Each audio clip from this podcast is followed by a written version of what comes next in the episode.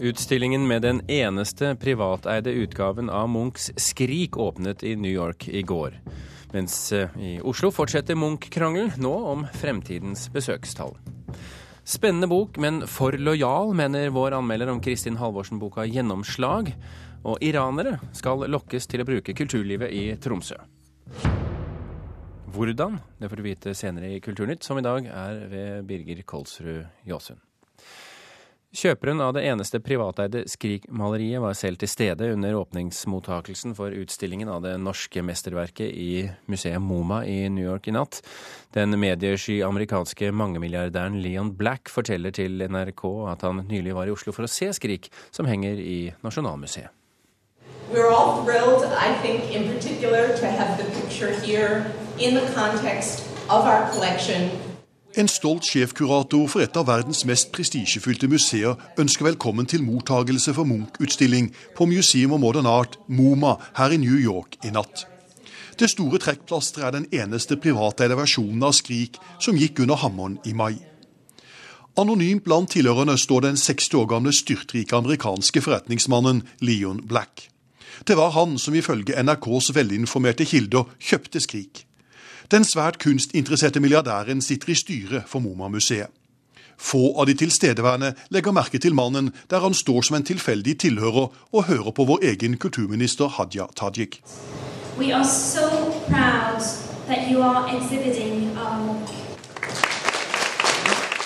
Etterpå sto Leon Black og studerte sin siste ervervelse nærmest som en helt vanlig publikummer. Da NRK hilste på ham, ville han ikke la seg intervjue eller fotografere. Men uoppfordret fortalte han NRK at han nylig hadde vært i Oslo for å se på Skrik-maleriet som henger i Nasjonalmuseet. Norge er et vidunderlig land, smilte milliardæren og takket for praten før han forsvant innover i lokalet. I et halvt år fremover skal Edvard Munchs mesterverk henge i det anerkjente museet, som ligger her midt på Manhattan i New York.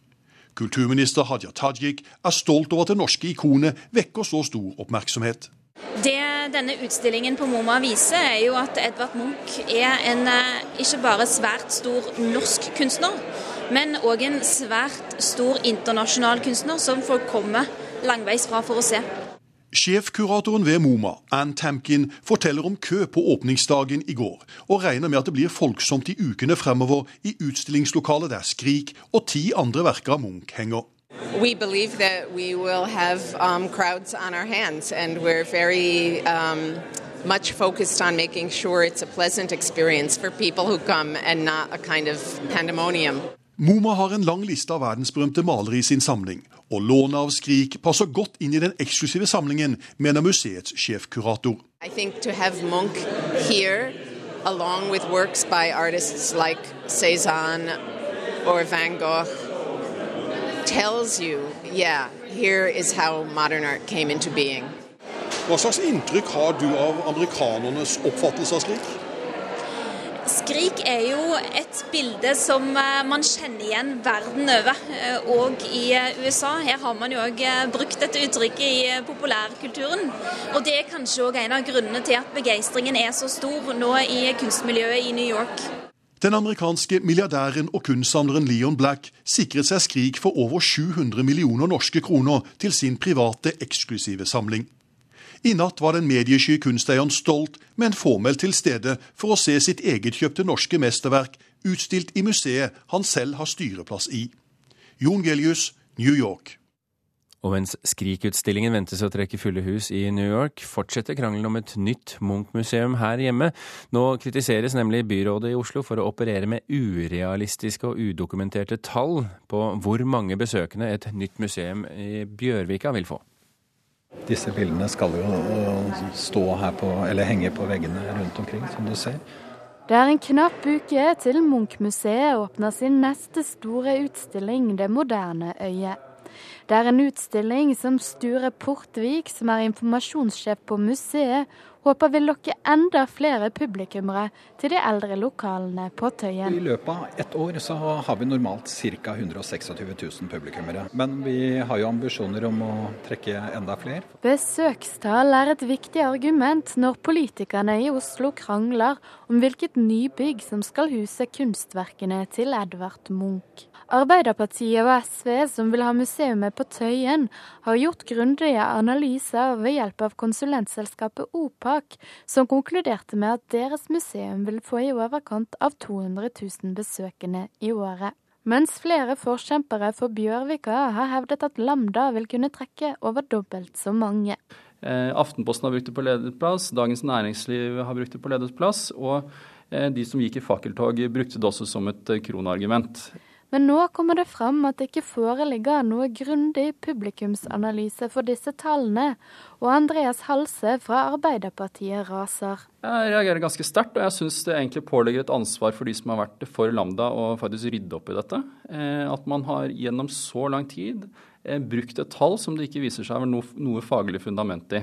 Dette tallet på 500 000 er en drøm, det er en fin drøm, eh, men vi kan ikke sette oss ned og basere avgjørelsen vår på en drøm som ikke, ikke er en skikkelig analyse bak. Det er jo ikke tall tatt ut fra løse luften, det ligger jo et arbeid til grunn for det. Det arbeidet foregikk når man lagde et rom- og funksjonsprogram for det nye museet. Forteller næringsbyråd Halstein Bjerke, som mener opposisjonen er vel hard når de slakter publikumstallgrunnlaget til Lambda. Men han innrømmer at tallene ikke er sammenlignbare. Men det er riktig at det ikke finnes sammenlignbare analyser som det, det man nå har foretatt for Nasjonalgalleriet og, og Tøyen-alternativene. Det var Munch-museet selv som sto bak Bjørvika-tallene, og selv om de mener det ble gjort på en grundig måte, så kan de ikke dokumentere utregningene. Nei, altså det er vel ikke noen sånn veldig klare rapporter på det. Eh, det er det ikke. Eh, det, er, det er mer innspill som har kommet i prosess. Derfor kommer det nå en ny rapport på bestilling fra byrådet, og denne gangen skal tallene være sammenlignbare. Så Vi vil nå arbeide veldig raskt med å fremskaffe de samme analysene av publikumstall for Lambda. Vi får se den rapporten når den kommer. Jeg tror dette vil være et så stort prestisjenederlag for byrådet hvis det kommer noen andre tall nå, at jeg egentlig er ganske skeptisk til, til det som skal finne på å komme ut av en, av en ny rapport nå. Det sa Andreas Halse fra Arbeiderpartiet til reporter Hanna Seferovic.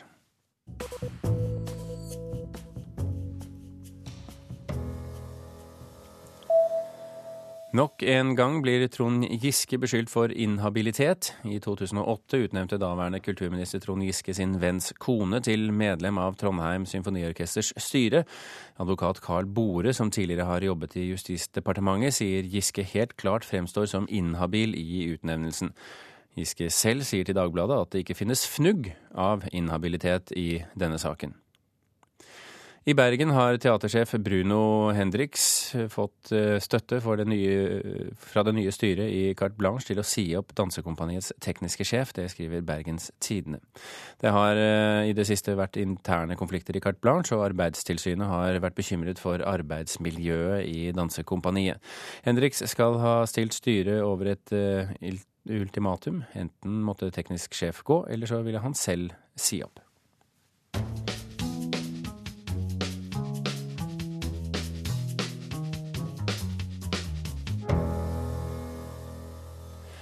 Et spennende, men for lojalt politikerportrett som er laget for å styrke SV før stortingsvalget. Slik lyder konklusjonene til vår sakprosakritiker Arnhild Skræ om NRK-journalist Lilla Sølhusvik bok om Kristin Halvorsen eh, og hennes tid i regjering. Dette er en spennende og viktig historie som jeg vil skal fortsette etter neste valg. Slik grunngjev Kristin Halvorsen at boka om hennes år som statsråd kommer ut. Historia hun sikter til, er fortellinga om SVs inntog i regjeringskontora og om det rød-grønne eksperimentet. Boka åpner med den nyslåtte finansminister Halvorsens historiske spasertur til første arbeidsdag i departementet. Slutten er siste SV-landsmøte der hos Liten går av som partileder, og blir hylla av alle sider i politikken. 2005 til 2012, altså. Sju år der SV-lederen etter eget utsagn har fått realisert målet sitt om at SV skulle gjøre en forskjell for folk flest. Hva en nå måtte mene om det, så var og er den rød-grønne regjeringa historisk, og hovedverdien av boka ligger i glimta vi får fra innsida av denne politiske nyskapinga. Det er en erfaren skribent som bruker tastaturet i boka om Kristin Halvorsens statsrådstid. Lilla Sølhusvik har jobba som politisk journalist siden 1996, og det kan merkes. Framstillinga hennes er effektiv, dramaturgisk gjennomtenkt og lett å følge, sjøl når kompliserte økonomiske realiteter slår inn og blir finanskrise høsten 2008. Samtidig har hun øye for de teiknende detaljene og humoristiske sidene, både ved politikken og ved hovedpersonen. Trass i disse kvalitetene irriterer teksten meg av to grunner. For det første skriver Søløsvik i historisk presens. Over 400 sider presensfortelling om fortida blir tidvis forvirrende og temmelig raskt slitsomt å lese. Det andre som gneg meg, er at forfatteren er på fornavn med hovedpersonen sin, og at Kristin Halvorsen i et etterord takker Lilla for samarbeidet.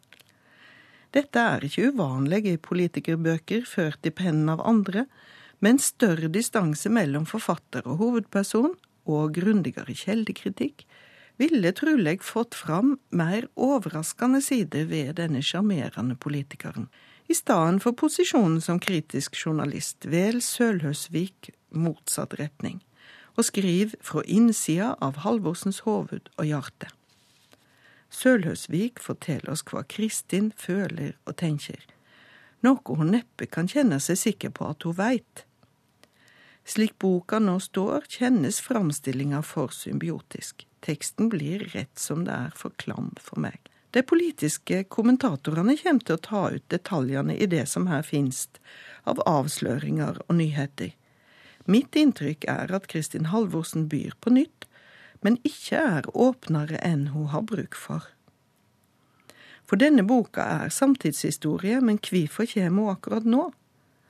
Med sine mange påstander og påminninger om SVs sigrer og resultat i den rød-grønne regjeringa, framstår denne framstillinga av Kristin Halvorsens regjeringstid aller mest som et innlegg i den kommende stortingsvalgkampen.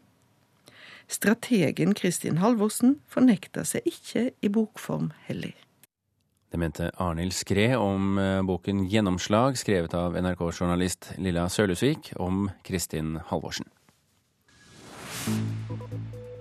Klokken er 17 minutter over åtte. Du hører på Kulturnytt, og dette er toppsakene i NRK Nyheter akkurat nå. Senterpartiet ville at regjeringen skulle frede pelsdyrnæringen, men ble stanset av SV og Arbeiderpartiet. Politiet har startet en storaksjon for å utvise asylsøkere som oppholder seg ulovlig her i landet. Og apropos det, så skal vi senere i sendingen eh, anmelde Margaret Olins nye film De andre. Men vi skal først ta turen til eh, Tromsø. For med en eh, megastjerne fra Iran og dikt fra det persiske motstykket til Ibsen, så vil festspillene i Nord-Norge lokke iranere til kulturlivet i Nord-Norge. Forskning viser at det er få innvandrere som bruker de norske kulturinstitusjonene.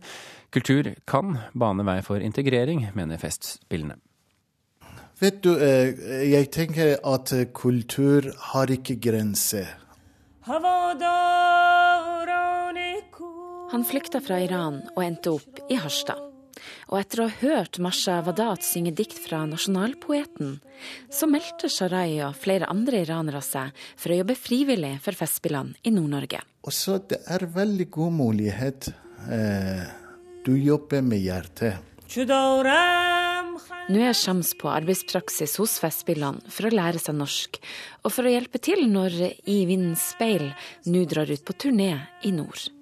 Eh, så det er et bra tilfelle at eh, dels nå en minoritetsgruppe, men også eh, på noe løfte opp iransk eller persisk kultur for oss nordboere.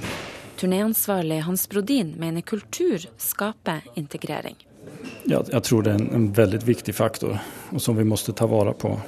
litt grann som i idrott, om man har spilt på samme lag eller om man har sittet i samme orkester, man har haft, delat en, en kulturell opplevelse. Så da har man kommet nærmere hverandre og man har kommet nærmere en forståelse. Så jeg tror det er en ganske avgjørende faktor. Men hun som bruker det offentlige kulturtilbudet mest, det er ei norsk kulturkjerring på rundt 50 med høy utdannelse, viser en ny undersøkelse. Hvor mye kulturtilbudet brukes av innvandrere, var det derimot vanskelig å finne ut, sier Emma Lind ved Agderforskning.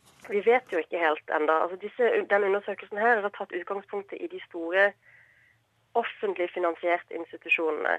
Og akkurat i den, det materialet vi har funnet her, så, så kan det virke som at eh, her er det ganske store gap.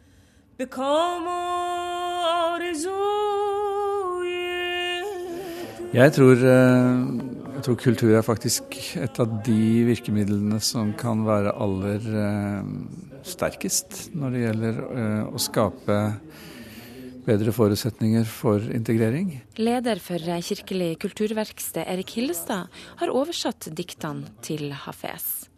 Jeg tror måten å begynne på er å begynne med at vi løfter fram i lyset de store heltene fra den verden som eh, innvandrerne kommer fra. Eh, så vi også lærer av det og skjønner hva, hva slags eh, bakgrunn de har. Og jeg tror det at de ser at vi gjør det, det gir dem en, en følelse av å bli sett. Gjør norske kulturinstitusjoner det i dag? Jeg skulle i hvert fall ønske det var mer av det. Um, Ønsker man å være en, en arena for f.eks. ikke-vestlige eller andre innvandrergrupper, så må man ta det alvorlig. Og man må eh, finne mer ut om hva som trigger denne gruppa og hvordan man skal kommunisere med, med disse ulike gruppene. Emma Lind mener det er behov for mer forskning på hvilke kulturtilbud minoritetsgrupper vil ha. Eh, absolutt. Jeg tror det var vel kanskje en av de sterkeste funnene vi fikk fra denne undersøkelsen her, er hvor mye vi faktisk ikke vet om eh, ikke bare innvandrergruppen, men andre minoritetsgrupper, andre marginaliserte grupper.